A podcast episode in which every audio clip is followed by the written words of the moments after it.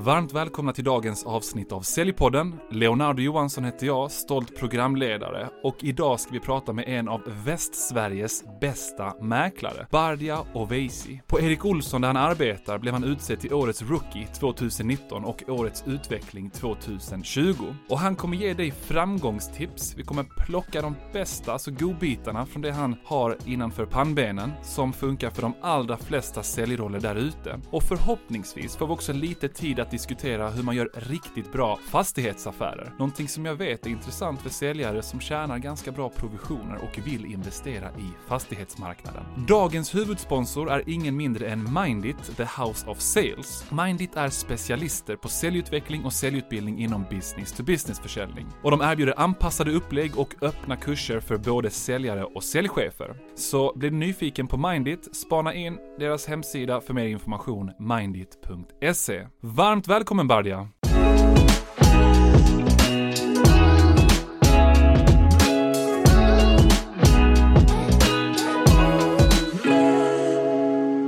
Tack så mycket Leonardo, tack för att jag fick komma. Du, jag la ut en, ett inlägg på LinkedIn här för ett tag sedan där jag frågade om Sveriges bästa säljare och det var flera som tipsade om dig. Oj, vad roligt, en Ja, ära. Stor klapp på axeln där. Och nyfikna lyssnare som inte riktigt vet vem du är ännu, berätta med egna ord lite kort, vem är du? Lite kort, ja, eh, vi får ta både jobb och privat kanske då så man får en helhetsbild av mig. Eh, jobbmässigt, jag är mäklare idag, vi kanske kommer in på det lite senare, blev det ganska sen ålder men eh, bakgrunden är att jag är i grund och botten så är jag en säljare och eh, jobbar som säljare i, i form av uppsökande försäljning, det vill säga med människor. Eh, att tillgodose människors behov. Så det är det jag har sysslat med de senaste 15 åren egentligen innan. Eh, Så att det går hand i hand med all form av servicearbeten. Utöver det så är jag idag trebarnspappa som lever ett eh, klassiskt, eh, får man kalla det för Svenssonliv egentligen. Ja, ja. Eh, hus och Volvo för den delen också Mm. idag. Eh, och har ett väldigt, väldigt, väldigt stort intresse för matlagning och fotboll. Och tidigare var det väldigt mycket efterrätter. Där måste jag faktiskt skryta att jag var väldigt duktig på desserter och efterrätter. Men eh, tiden har blivit knapp så att man har tappat det. Men maten har blivit viktigare i takt med åldern också. Så att eh, Just det. det tycker jag är väldigt intressant och inspirerande. Försöker avsätta två timmar på söndagar till mina fotbollsmatcher, Mhm. lag. Och sen är jag pappa däremellan med. Ja, vad häftigt. Jag är lite nyfiken. När jag träffar en toppresterare som du själv, som har fått de här typen av utmärkelser som Årets Rookie och Årets Utveckling, är det någonting särskilt som du vill lyfta fram? Någonting som har hänt i ditt liv? En upplevelse, någonting i din uppfostran? Är det någonting som har gjort dig till den här högpresteraren som du är idag? Ja, jag tycker det är väldigt intressant det du nämnde liksom. Eh, någonting i mitt liv. Eh, det spelar egentligen ingen roll var man kommer ifrån ursprung utan det har att göra med dig som individ. Eh, med men i det här fallet så skulle jag nog kanske säga att eh, jag tar efter min far väldigt mycket som är en, en eh, är och var en väldigt driven människa och han var själv en affärsman och eh, han har ju alltid sagt det att eh, speciellt när vi flyttade till Sverige så redan i, i ung barnsben så sa han att det, det du måste göra är dubbelt så mycket än en vanlig svensk människa för att synas. För att det är inte vanligt längre med, folk, alltså med folk från vår ursprung och utseende. Mhm. Och då kan det skapa en eh, frågetecken från de som inte vet. Så då måste du imponera ännu mer. Eh, och han var, han var på både gott och ont. Han var väldigt, väldigt, väldigt eh, disciplinerande och hård. Mm. Jag kunde komma hem och vara väldigt glad att jag hade ett fel på ett prov. Men det var inte han. Han frågade varför har du ett fel? Så att eh, det, det, det, det har man ju burit med sig. Och det tackar jag för idag i vuxen ålder egentligen. Mm. Sen eh, ska man jämföra med dagens uppfostran så klassar man nog det som väldigt hårt kanske. Eh, sen är det, det är också varvat med att eh, vi brukar skämta lite grann även med vissa chefer på jobbet att eh, fasiken framöver ska vi nog anställa mäklare som vi anställer ska ha väldigt mycket kostnader. Okej, okej. För du har mycket kostnader Mycket eller? har man liksom hus och barn och bil och allting. Aha. Eh, då gäller det att springa. Det, det, det, här, det här är så spännande. Det är två saker jag tänker på Ja. här. Och det första jag tänker på, bara för att reflektera över det du sa med din, din pappas, liksom den uppfostran du fick och liknande. Ja. Och nu ska man alltid vara försiktig med att generalisera. Ja. Jag har, nu, nu känner jag att jag, det är kanske är lite lättare för mig att generalisera eftersom jag är en svensk pappa och utländsk mamma. Mamma är Just från det. Colombia. Men det är många som jag pratar med, för jag har väldigt många svenska, om man säger så här, alltså med svenska föräldrar, svenska kompisar och väldigt många utländska också. Och någonting, återigen, nu generaliserar jag ute på väldigt, väldigt, vad det hal is eller tunn is, vad man säger här. Ja. Så har många med utländsk påbrå kanske haft lite mer press på sig, den kanske lite en annorlunda uppfostran, särskilt när det kommer till den typen av föräldrar som vill att ens eh, son eller dotter ska lyckas i Sverige, lyckas i form av ett, ett bra affärs, alltså ett bra jobb och liknande, att du måste springa dubbelt så snabbt, om man säger så. Och jag har ju levt med den prestationsångesten sen jag var liten av den här colombianska mamman som uppfostrade mig. Och jag tror att det är en stor del till att jag kan sitta här idag och vara programledare för Säljpodden till exempel. Ja. Men tror du att det där är någonting som du ser hos stjärnmäklare, att det finns någonting i deras uppfostran som har gjort dem annorlunda, oavsett om de har svensk påbrå eller utländsk påbrå, eller kan det ha med helt andra saker att göra också? Ja, men jag tror att det har med helt andra saker faktiskt att göra med tanke på att man vet ju inte. Jag tror att sannolikheten är ganska liten att alla de högpresterande säljare, mäklare och så vidare som jobbar med prestationsbaserade arbeten.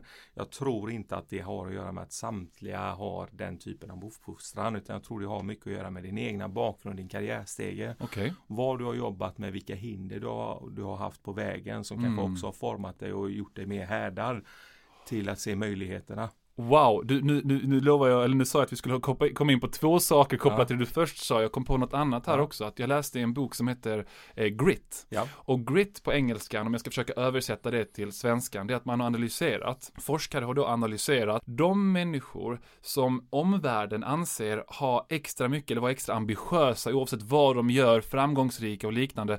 Finns det någon typ av koppling mellan typ uppfostran, barndom, eh, upplevelser till att göra att en person blir mer ambitiös eller mer gritty som man säger på engelska jämfört med de som inte blir det. De som upplevs som lata av samhället jämfört med till exempel att man är väldigt, väldigt ambitiös.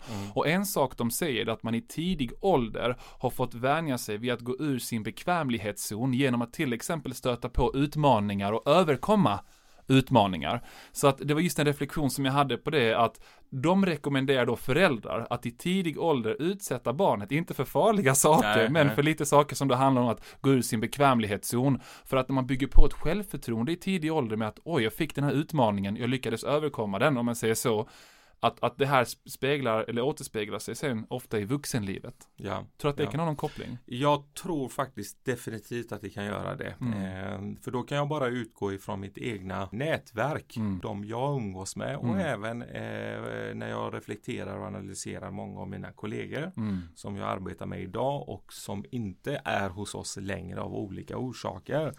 Och en sak som jag kan se lite granna på mig själv och de i min närhet på jobbet och privat det är ju att nu ska vi inte generalisera alla men väldigt många som sagt eh, och det, det anser jag och det är att eh, har man vuxit upp med, eh, med en uppväxt där föräldrarna har varit väldigt tydliga med att eh, som man säger idag att man inte curlar barnen för det är ju Mm. mer vanligt idag än vad det Mm. var förr tror jag. Eh, vi har ju allmän bättre ekonomi i hushållen i Sverige idag. Vi tjänar mer pengar och tittar man på landet och BNP och allting sånt där så är det ju vi lever bättre trots högre inflation och så vidare.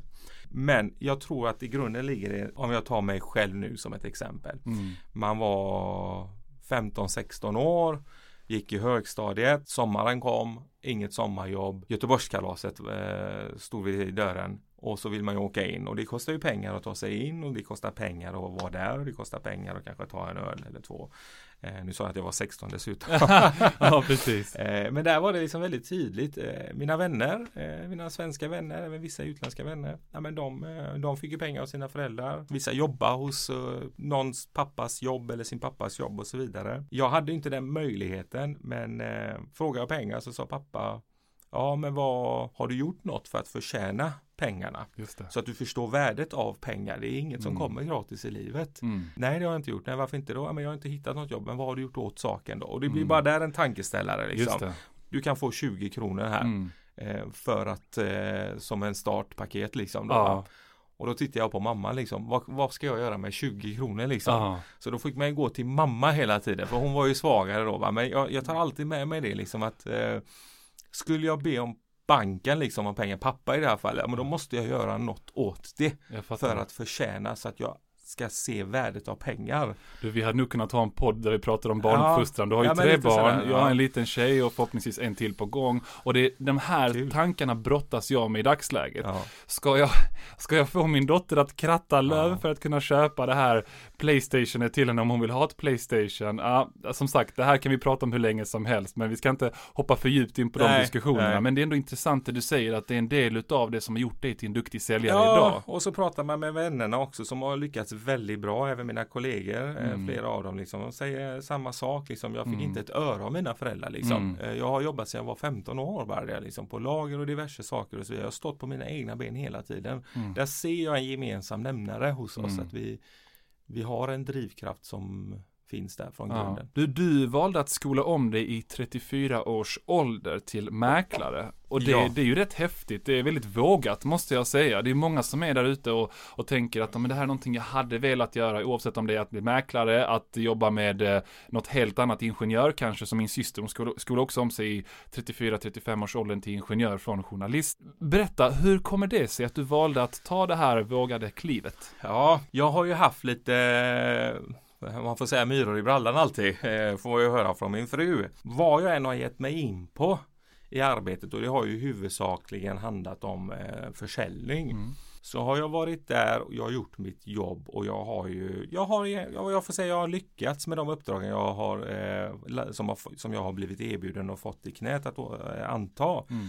Men min utmaning har ju alltid varit att efter två, tre år så blir jag inte stimulerad längre. För då, jag, då känner jag att, men är det här ändstationen? Ja. Är det inte mer? Finns det inte mer att, att göra och lära sig? Mm. Eh, är, blir det här ekorrhjulet och då söker jag mig efter en ny utmaning och det är, det är inte bra på ett sätt heller. Så att de senaste åren där eh, från 30 till 34 års ålder egentligen så la jag ner väldigt mycket tid på fastighetsbranschen för den blommar ju ut ordentligt där i början på redan vid 2009 2010 Mm. Eh, så, så blomstrade eh, bostadsmarknaden eh, överlag i landet. Och där insåg jag någonstans att herregud, varje kväll efter mitt jobb, det jag gör, det är att avsätta mina kvällar på att följa bostadsmarknaden hela tiden. Mm. Även om jag inte ska köpa någonting så insåg jag att vilken passion jag har för detta. Vilken, det. det. Det, är inte bara en hobby, det är verkligen en passion för jag avsätter verkligen mina kvällar till att följa marknaden hela tiden. Mm. Varför ska jag inte arbeta med detta då? Mm. Det är ju det som är hela poängen i livet. Jobba med det du faktiskt tycker är roligt som Mm. du avsätter din privata tid för. För då blir ju jo- jobbet roligare också. Och då blir du ofta bättre på det du och då gör blir också. du bättre också, precis. Ja. Det faller ju det är en röd tråd där va. Eh, men utmaningen jag hade framför mig då, det var ju då tack vare dessa dokusåpor som, som började visas i tv, så blev ju det väldigt hippt och trendigt att bli fastighetsmäklare även i Sverige. Vilket gjorde att när jag började titta på de möjligheterna så såg jag ju, insåg jag ju att herregud, jag behöver alltså 20,0 i betyg Mm. för att komma in i, i mäklarlinjen. Och det fanns inte på världskartan. I gymnasiet hade jag väl inte de bästa betygen så det hade ju inneburit två till tre år på komvux. Mm. Och så barn och hus och familj som jag redan hade då eh, eh, i, i livet gjorde att nej men det, det går inte liksom. Det går inte att vara student i så många år och sen högskola på det, det vi pratar fem sex år. Mm. Så att eh, nej, men så fin- fanns det en öppning. En eh, nuvarande kollega jag har som jag jobbade med innan också i klädbranschen. Där vi blev väldigt nära vänner. Han fick in en fot på Erik Olsson. Och eh, då ringde han mig och så sa han bara jag har hittat en öppning för han hade lite liknande resa som mig och samma intresse så han fick in foten och då ringde han mig och sa det att jag har hittat en öppning här. Och det är ju att idag finns det en uppdragsutbildning ämnad för bland annat fastighetsmäklare på uppdrag från en arbetsgivare då. Eh, och det är en privat utbildning då så att du måste gå via en arbetsgivare och den kostar pengar men eh, då kan man liksom se över de förutsättningarna om arbetsgivaren ser att du är värd och investera i då, Mm. att du har det i dig. Så att eh, jag har bokat in en intervju med regionschefen. Kom hit. Okej, så du, du, fick, du fick möjligheten till att göra det här privat istället för att ta Ja den här men precis, för då, då, då baserar man inte på vilka betyg du hade. Självklart ska du ha de här grundläggande kurserna, ska du ha Mm. gymnasiekompetens och så vidare. Men då handlar det inte om att du ska ha 20,0 och så vidare då, i och med att det är en Mm. uppdragsutbildning. Men eh, utmaningen där var ju att då är du inte CSN-berättigad heller. Mm. Utan då får du sitta, då får du antingen jobba vid sidan av. Utbildningen är generellt sett kortare än eh, högskoleutbildningen också som idag finns som är på tre år och som de pratar om att de ska ytterligare expandera. Då. Här kunde du välja, det var allt ifrån ett och ett halvt till två och ett halvt år ungefär. Eh, och jag vill ju bli det så snabbt som möjligt. Samtidigt så hade jag inte varit på skolbänken på 17 år. Ja. Så, så, att det var liksom någonstans att hitta en balans. Kommer jag klara det eller inte? Så jag bollar runt mycket. Men då tog jag den kortare tiden och insåg att det är bättre att göra så och så får jag leva på egna pengar. Inte jobba för då hade jag inte löst det. Det blir ju också lite kniven mot strupen liksom. Okej, okay, det här är en otrolig ekonomisk uppoffring du kommer göra. Mm. Så att det gäller verkligen att du har tagit rätt beslut att du är motiverad till tusen. Just det. Och där är det varvat med att du ska ju ha en ordentlig bra stöttning av din fru. Just det. Eh, så att där får du motivationen också att vi löser det tillsammans. Men samtidigt så har du drivkraften att du måste Mm. Du måste prestera för Mm. att det ska vara värt det. Det finns inget annat alternativ. Okej, ja men häftig, häftig bakgrundshistoria. Och, och då kommer jag in på det här med, med prestation Mm. och det värde som jag förväntar mig att du ska kunna leverera för våra lyssnare där ute. Det här med hur man, hur man får till en hög prestation, både som mäklare men kanske även i, i andra säljyrken. Ja, Ge gärna lyssnarna ett praktiskt tips på vad man kan göra som säljare, som mäklare för att bli en toppresterare. om du vill lyckas Mm. så måste du först börja i änden och se, okej, eh, jag vill ha en affär Mm. och den affären vill jag ju självklart sen ta vara på i form av kvalitet med mera så att det leder till följdaffärer Mm. också. Men för att komma dit så behöver jag en affär. Okej, då behöver jag ide- identifiera här hur kommer jag snabbast möjliga vis till fram till att få en affär. Men en sak som jag var väldigt, väldigt, väldigt noga med i och med att jag är väldigt tacksam idag att jag har jobbat mycket inom eh, telemarketing Mm. och då är det, det är ju det här som eh, de flesta idag liksom backar för och tycker det är väldigt jobbigt och man anser att marknaden idag tycker det är så otroligt jobbigt med telefonsäljare. Precis. Eh, jag förstår det, för det är ingen trevlig upplevelse att få luren i örat eller Mm. få skrik och så vidare. Men det är fruktansvärt lärorikt att ta sig förbi den mentala barriären om man har den erfarenheten.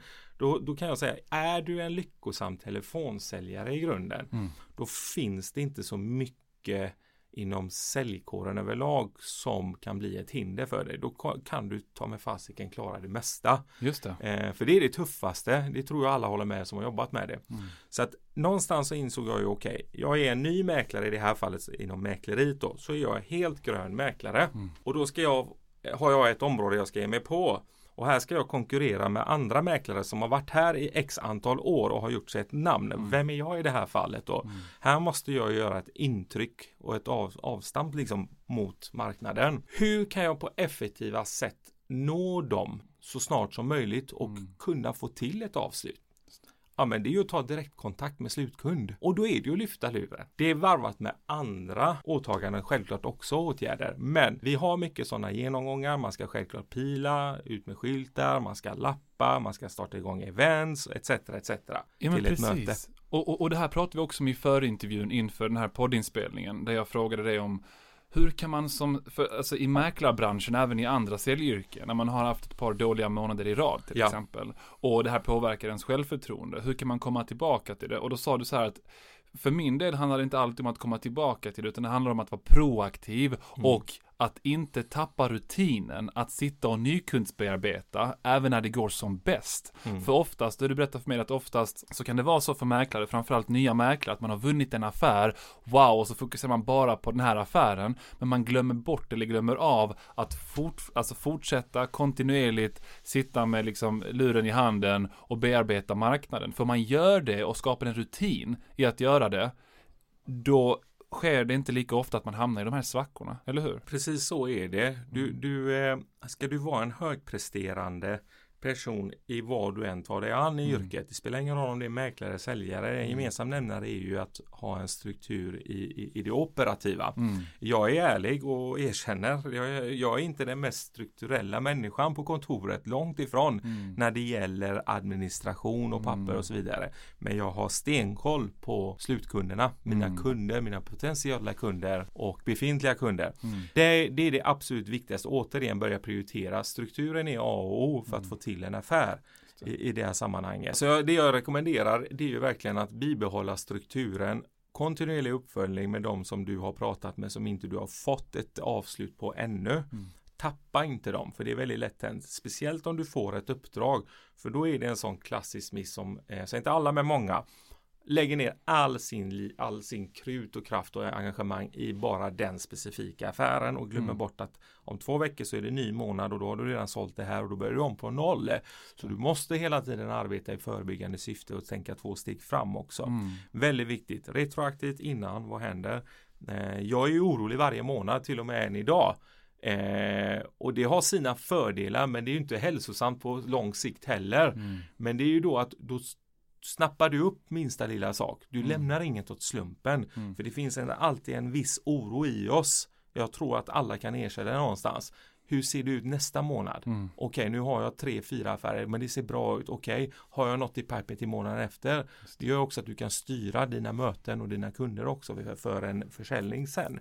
Så tänk hela tiden retroaktivt så du inte behöver hamna där. Mm. Sen hamnar du där ändå i vissa fall på mm. året när det är liksom lågkonjunktur, vad det nu måste vara i bostadsmarknaden. Mm. Då är det extremt viktigt att göra det där lilla extra som man många gånger inte gör när man har flera affärer. Mm. Och det är ju faktiskt att ta vara på dina spekulanter som har kommit på visningarna. Mm. Ta vara på det samtalet du gjorde för tre månader sedan. Mm. Där kanske mötet ställdes in eller det blev inget avslut. De skulle känna på det, de skulle återkomma. Du har inte hört någonting någonting. Mm. Men du har ju varit så himla belåten om att du har fått in tre andra uppdrag vid sidan av.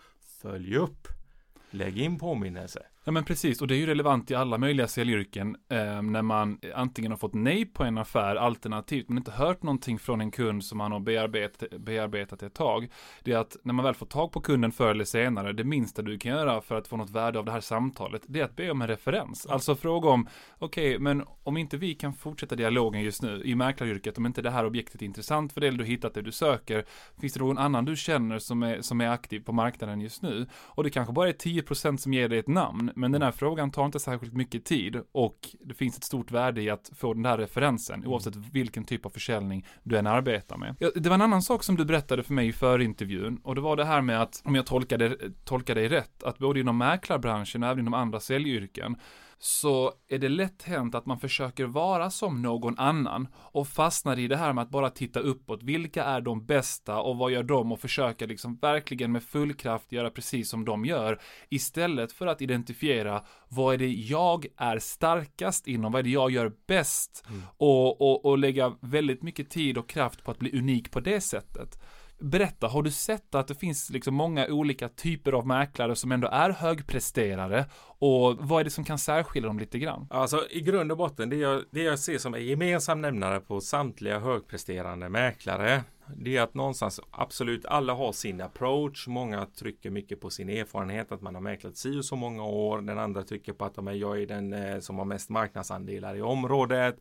Många trycker på att bara visa upp en radda på sina försäljningar i just den här föreningen och låter statistiken tala för sig. Mm. Eh, det finns olika sätt som många väljer och det är upp till var och en hur man vill. Men summa summarum, en gemensam nämnare för samtliga som har lyckats väldigt bra, det är ju att de har identifierat sina styrkor. Mm och är trygga med det. Och när du kan leverera en trygg och avslappnad ton och jargong gentemot din potentiella säljare kund. Det genomsyrar en naturligt budskap som också inger en trygghet i motparten. Mm. Eh, ska du imitera andra? Okej, okay. Men plocka godbitarna och omsätt det till ditt egna ordvokabulär och mm. ordförråd. Annars så kommer folk att känna att det inte är genuint. Just det. Det, det, det är häftigt, häftigt att, du, att du nämner det. När jag var lite yngre mm. så hade jag, så spelade jag fotboll och så var det en kille i mitt fotbollslag som heter Jonathan. Eh, Jonathan Asp. Han spelar i Superettan nu tror jag så att han, det går bra för honom. Och han var på sånt här, sån här lam, landskapssamling eh, för ungdomar då som var bra på fotboll. Och så sa de till honom där, någon som har varit van vid att coacha supertalanger runt om i hela världen, att istället för att försöka bli bra på allt möjligt inom fotbollen, fokusera på det du gör bäst idag och gör det ännu bättre. Och det är lite likt det som du säger, att identifiera sin främsta talang och fortsätta arbeta på den och vara stolt över den istället för att bara imitera någon annan. Ja. För det kommer genomsyra ditt självförtroende och upplevelsen som kunden känner i ett möte, om det känns liksom som ett påklistrat beteende eller som ett naturligt beteende. Precis. Och, Ja. det, och, det, och, det, och jag tror många nya mäklare då som precis blivit mäklare ska bli kanske efter den här diskussionen vi har nu ställer frågan till sig själva men herregud jag som är helt ny då Mm. vad ska jag trycka på? Vad är det jag kan känna mig lugn med? Ja, jag har ju också varit där. Jag tänkte ju exakt på samma sak. Men vad ska jag göra mot han som säger att han har mäklat i 14 år eller säljer överlägset mest och så vidare. Här är det ju återigen, vad är du bra på? Mm. Identifiera din styrka. Men jag är bra på att lyssna in. Jag är väldigt bra på att anpassa mig till min motpart, kameleont eller vad man vill kalla det. Framförallt visa ett enormt engagemang eh, med ödmjukhet men ändå bestämdhet. Mm. Hur jobbar du? Hur ser din strategi ut Mm. du personligen? Visa ditt engagemang, prata mycket kring detaljer kring din strategi Mm. så att du får med dig kunden in i matchen och blir Mm. delaktig. Och pausa och ställ frågor så att du får med människan. Då tänker man inte lika mycket på att okej, den där andra personen säljer jättemycket mer. Förstår. Det viktiga är ju kvalitet någonstans också. Mm. Det är människa mot människa vi jobbar. Du, det var fler saker du nämnde i förra intervjun som eh, skulle kunna vara eh, intressanta för andra säljare oavsett bransch att ta, ta vara på. Till exempel det här med administration. Mm. Att det kanske finns specifika tider under dagen då man ska utföra sin administration som säljare. Berätta lite om dina tankar kring den biten. Ja, men alltså, det, det är ju tillbaks, administration är ju inte den min starka sida. Ja. Jag tycker inte det är kul att sitta och trycka på massa knappar Mm. och det, det, det, så är det bara. Vi har alla våra olika svagheter och styrkor men det är ett nödvändigt ont. Ja.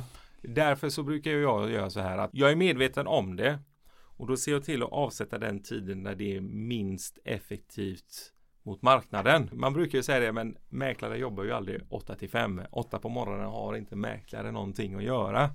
Eh, Men har man småbarn som jag så är man ändå tvungen att gå upp tidigt och lämna på dagis och förskola och skola och allting sånt där. Men då passar jag ju på direkt efter och sitta och göra det där tråkiga. För det är också någonting som är vetenskapligt bevisat. På morgonen är du som mest alltså effektiv. De flesta av oss. De flesta av oss. Ja. Jag tycker det stämmer. Jag, eh, ibland kommer jag hem, jag har haft en kvällsvisning och så blir det kontraktskrivning så jag är hemma halv elva, kanske tio på kvällen.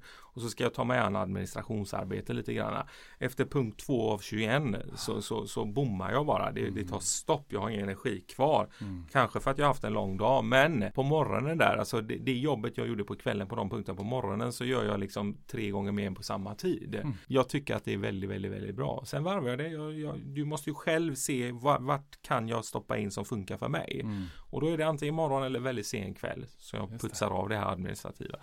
Spännande insikter. Jag, i mitt första jobb som säljare så sa min säljchef till mig när jag då frågade om framgångs framgångsfaktorer eller hur man skulle lyckas i, i den säljrollen att gör din administra, administration efter arbetstid. Och det är kanske inte lika, vad ska man säga, vanligt att man rekommenderar idag som det var för 10-15 år sedan. Alltså skulle någon säga så här, gör din administration efter arbetstid, skulle folk säga, ja ah, men vadå, varför ska jag arbeta mer än de här åtta timmarna som jag har? Men det gjorde jag på den tiden i alla fall. För att vi visste att mellan 8 och 5, det är då vi kunde nå kunderna. Och det var en del av den framgångssaga som jag hade på det företaget. Men någonstans om du vill arbeta 8 till 5, identifiera vilka tider under den här arbetsdagen då det är svårast att nå kunderna, eh, där du kan utföra den här administrationen. För många säljare tänker inte riktigt så om sin tid, utan Mm. man bara kör på och ibland har jag ett möte på förmiddagen, ibland eftermiddagarna, ibland administration här och sen man man ska vara proaktiv i sin planering. Det tror jag är jätteviktigt när det kommer till administrationen. Ja, absolut. Mm. Så är det ju. Det är väldigt viktigt. Eh, sen så ska du också faktiskt våga styra Mm. kunden också. Mm. Eh, I vår bransch så är det ju så här att kunderna ger ju den tiden som de absolut inte har någonting annat för sig. Mm. Och det kan ju många gånger handla om kvällstid såklart. Men tänk dig du som mäklare då, ska du varje kväll mellan klockan halv sex, sex till nio gå på kundmöten för att du inte har gett alternativ till din kund när du kan. Då blir det ju tufft och som ny mäklare så är det ju också så att du vill ju inte riska någonting. Men har du provat att fråga kunden, absolut, imorgon kan jag, vilken tid passar dig kontorstid att jag kommer över en sväng? Faktiskt, och speciellt nu i covid-tiden när många jobbar men lite hemifrån. Så. Är det så att kunden absolut inte kan, nej men då får du väl ta den kunden på kvällarna. Ja. Det är inte mer med det. Men om du hela tiden säger till kunden när passar det dig? Ja, Men då säger ju kunden precis det som passar dem. Så att de inte offrar varken eh, träningen eller eh, dokusåpan eller vad det nu är då. Ja. Som faktiskt går att titta på senare också. Ja, vad spännande. Det, det är som, Eh, Jag brukar säga det att när man ska följa upp ett beslut Mhm. med en kund, oavsett vilken bransch det handlar om, om man jobbar som säljare, istället för att ställa frågan, eh, berätta när ska jag ringa dig för att följa upp beslutet, för då kommer kundernas autopilot, som ofta är i vissa branscher i alla fall, ah, men om två veckor. Om du istället tar kontroll över situationen och säger så här att, ja, men jag tänkte att jag följer upp det här med dig på fredag, om det är tisdag idag, så har du hunnit fundera på det här och kanske även diskutera med X, om X då är en person man ska diskutera det med. Då har man proaktiv, proaktivt tagit kontroll över situationen och man smider medan järnet är varmt. Mm. Så det är en liknande eh, sak, just det här med att istället för att bara, vad passar dig bäst, så att försöka ta kontroll över situationen och se till att göra det bästa för dig som säljare. Absolut. Och efter mötet, det är ju inte alltid man får sign på plats utan Mm. kunde vi fundera lite och då Mm. säger man ta din tid för det är ett stort beslut. Vilket är viktigt att det känns rätt. Mm. Ta din tid, jag återkommer senare i slutet på veckan eller Ja. nästa vecka efter helgen. Exakt. Så att du inte har en eh, överenskommelse att kunden återkommer. Nej, precis. För Exakt. det händer inte så ofta. Nej, precis, precis. Du, det var en till sak du tog upp med mig i förintervjun som jag tyckte var väldigt spännande. Det är någonting som jag har kämpat och krigat och stångat med hos vissa arbetsgivare där jag har varit, jag har varit säljchef på fyra olika företag innan jag blev eh, egenföretagare. Och det var det här med att våga ställa krav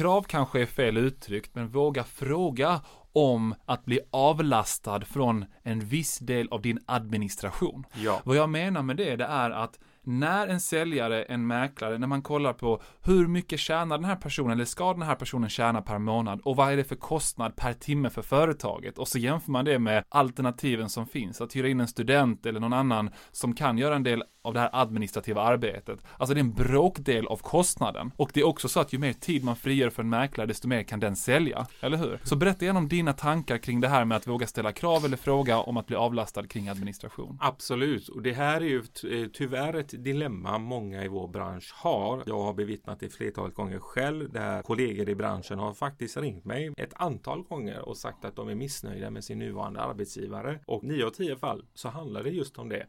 Vad är anledningen? Fråga. Varför är du missnöjd? Jag får inte den stöttningen, den hjälpen som jag behöver för att få min eh, omsättning Mm. och rulla så smidigt som möjligt. Vad beror det på? Ja, men de har aldrig tid. Och eh, här är det ju både ge och ta. I vår bransch, de flesta av oss som är idag själva personalansvariga och arbetsgivare och så vidare. Vi mäklar ju också och är du en pre- högpresterande mäklare då har du att göra. Men du har ju valt att investera i personal för att din, ditt bygge ska fortskrida ännu mer och ännu bättre.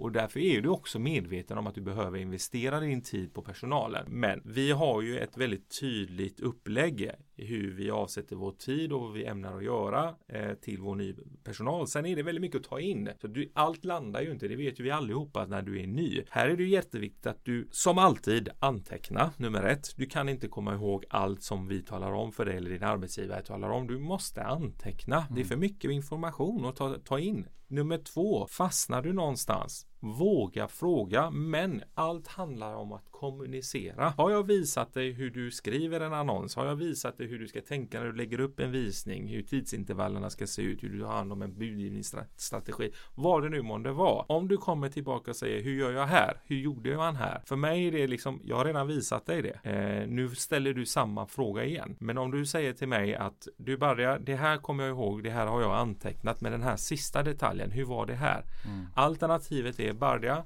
Jag har för många objekt som jag ska gå ut med så jag hinner inte att administrera samtliga objekt själv, koordinera dem i, i, i form av annonsskapande med mera. Här behöver jag uppbackning så att jag kan fokusera på min försäljning för det är för Mm. många objekt jag har. Då blir det en annan tongång i, i, kommunikationen. Då ser jag ju värdet i att investera. Men kommer man direkt och säger Barja, jag hinner inte med mina grejer, jag behöver hjälp. Ja, Jag vet inte vad det handlar om. Just det. Nu ja. säger inte jag personligen, jag kan, det är till lite till arbetsgivares försvar. Men någonstans, alltså kommunikation, men Ja. överlag, arbetsgivare måste se behovet. Det hjälper inte med en omgång, genomgång. Mm. Folk behöver mer kött på benen. Just det.